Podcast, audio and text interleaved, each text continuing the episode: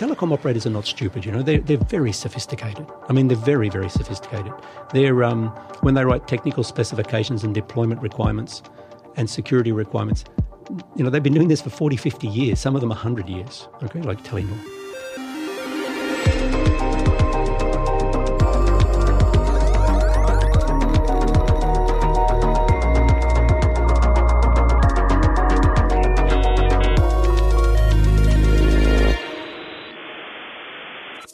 Her er et intervju henta fra Telepodden med teknologidirektør i Huawei, Paul Scanlon. Innspillinga ble gjort i slutten av september 2019 av meg, Sebastian Storvik, og daværende redaktør for Inside Telecom, Varog Kervarek. Del to.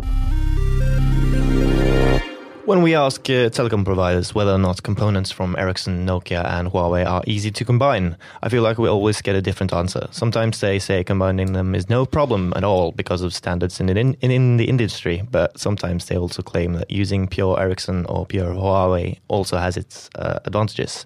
What's your take on the matter? I, both of those statements are true, Sebastian. And the reason they're true is um, if you just look at the strategies of different telecom operators, and it's not just op- operators, any, any enterprise, large enterprise, do you put all your eggs in one basket? You could ask that question what's the benefit of doing that? Or do you have multi vendor strategy? So, in the case of, let's put aside the security question because that, can, that adds a layer of, uh, of com- not complexity, but of thought that might steer you in a particular direction.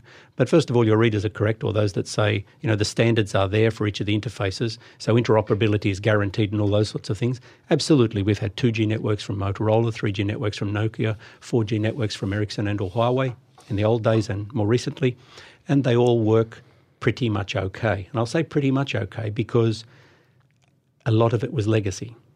So when you have legacy components, 2G was running on 900 megahertz and or 1800 megahertz, and they're different. The architecture is different. Okay, the, the, the spectrum is different. Therefore, propagation is different. When you move to 2100 for 3G, different frequency as well, different way that the modulation works in, in 3G. And then in 4G, we moved to 2600. Now we're slowly refilling 18 and all the others to be all 400, all, all 4G. The reason I want to mention this is because it's be, it's been terribly complex over the years. It was very much a technology layer for a frequency.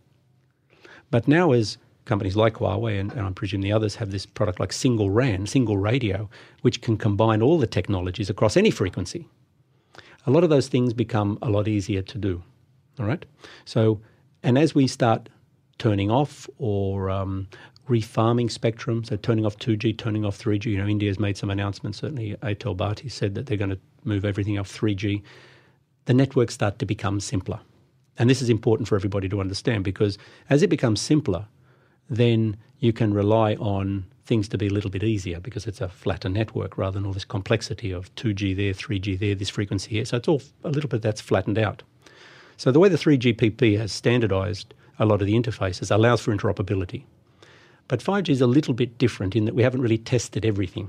I mean, you know, we, we have done tests, of course, but I'm saying we haven't had live, large scale live networks where you might have two radios, two radio access networks from two different vendors, and how will the performance at the the edge where they where they intersect? Yep, you wouldn't want to necessarily do that in a in a large city, and that's because of historical reasons. You know, we, as I mentioned, we've had these challenges before in the past. We've had a network here from one vendor, a network there from another vendor. They've overlapped this network vendor is saying it's his problem, he's saying it's his problem, and ding dong backwards and forwards. And that's the reason for a lot of that uh, discussion.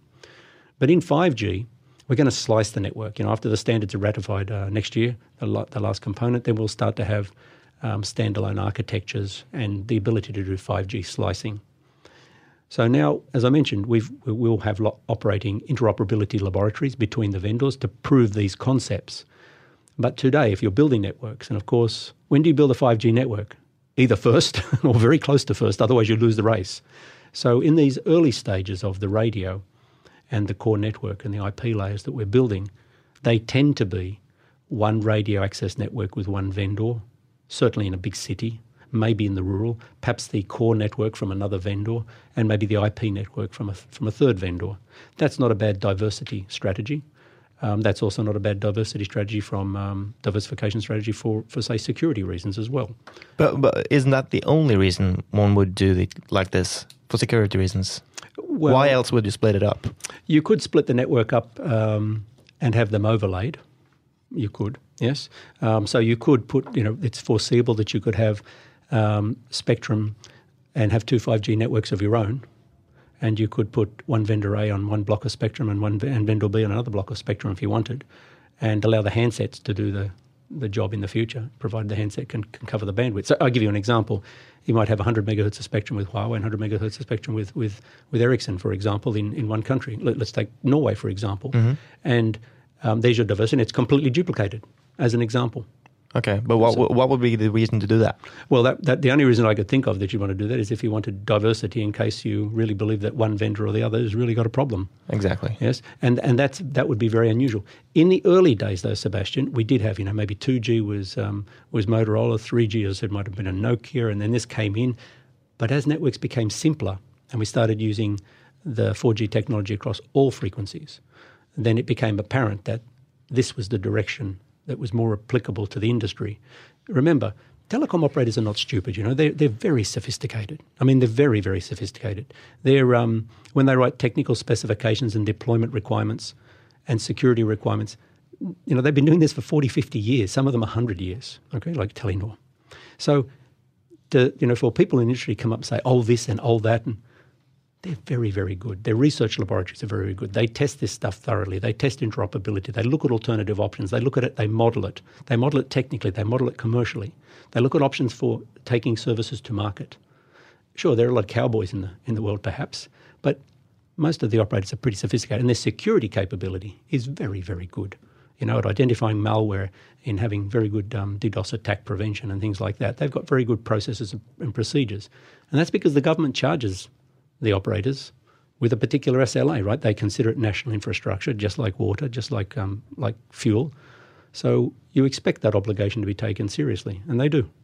Could you tell us, you, know, based on what you just said, uh, do you consider it to be a good idea or is it a bad idea to put a, a 5G network from one vendor on top of a 4G network from a different vendor? Okay, so when we were first deploying networks, when Huawei was first deploying networks, and I presume it's the same with, with the other with our competitors, we would always try and leverage the 4G network, and we, we wanted to do this for a couple of reasons, predominantly performance, but also price. And, and let's start with the the pricing component first. Because 5G was first launched, generally, excluding US, in the C band, which is 3.5 gig, or let's call it 3.2 to 4 point something, okay? Because that's generally the band, the two blocks of 800 megahertz of spectrum that's around. And the US went down the millimeter wave for particular reasons, and that's largely because the spectrum is not available. You have other countries that have challenges in and around Singapore, Malaysia, and um, Indonesia. A lot of that C band because of terrestrial um, terrestrial satellite services. In Russia has the same sorts of problems. US has similar problems, and plus military spectrum is sitting in, in the middle there. But those countries that didn't have that, and the large number of them, we standardized on this thing called 3.5. Now, we know from radio physics that generally 2G na- networks starting in 900, moving to 2G networks in 1800, you pretty much needed to double your capex. You needed twice as many sites. And it's pure radio physics, okay? Just radio, um, propagation then when we moved to 2100 for 3G, you needed about 20 to 30% more sites. When you move from 2100 to 2600, and all the operators saying, oh, you know how much I've got to spend on. Yes, so then we also had 2600 megahertz. But we very quickly used 1800, removed the 2G from there because 5, 4G uh, was much more efficient. Then we moved to 900 and to 850. Now all the 700 megahertz spectrum is all all 4G, and, and 2100 is, is, is slowly slowly happening there.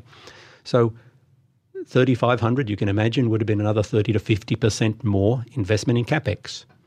That's serious, right? And, and one of the things that Huawei is always trying to do is how to reduce the capex burden on an operator and the opex burden on an operator. It's very simple. If you can fix the operator's problem financially, he invests with Huawei, right? It's really simple sales 101, okay? So there's nothing revolutionary about it. But when you have um, 3,500 and 2,600 networks or 1,800 networks and you think the investment is going to be doubled, you stop and think. So, what did Huawei do? We decouple the uplink and the downlink. That means what goes between the base station and the handset, we use 3500. The uplink transmitting from your handset up to the base station is at 1800. So, this decoupling allowed us immediately to measure a network theoretically and practically, and we found we could almost keep the investment the same as an 1800 network which meant, to answer your question, you could put it a 5G network right on top of your of your 4G network. So this was very specific, right? Huawei 5G on top of Huawei 4G. You could have this technical performance that would improve financially the, the financials of the of the business model.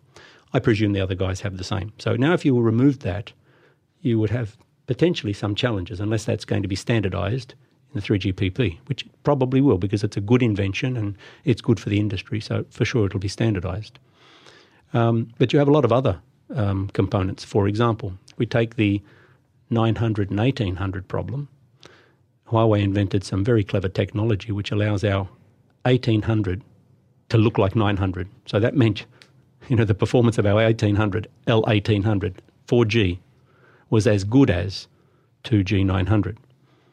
And we're doing these sorts in of terms of in terms of the number of cells, in terms of the size, the propagation. So you know, 900 goes out uh, this far, and and you know, um, 1800 is let's say half that, not quite half, but let's call it half.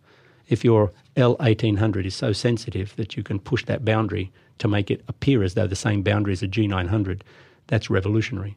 So they're the sorts of things that we've been doing from a technology perspective that that benefit very specifically an operator. It doesn't benefit Huawei. Well, it benefits Huawei in that we've got the technology and we can deploy it. But what's important is it's a technology innovation. And the reason I keep coming back this coming back down to this is, you know, this company of Huawei's, we spent 15.8 billion last year in R&D, almost the sum of everybody else.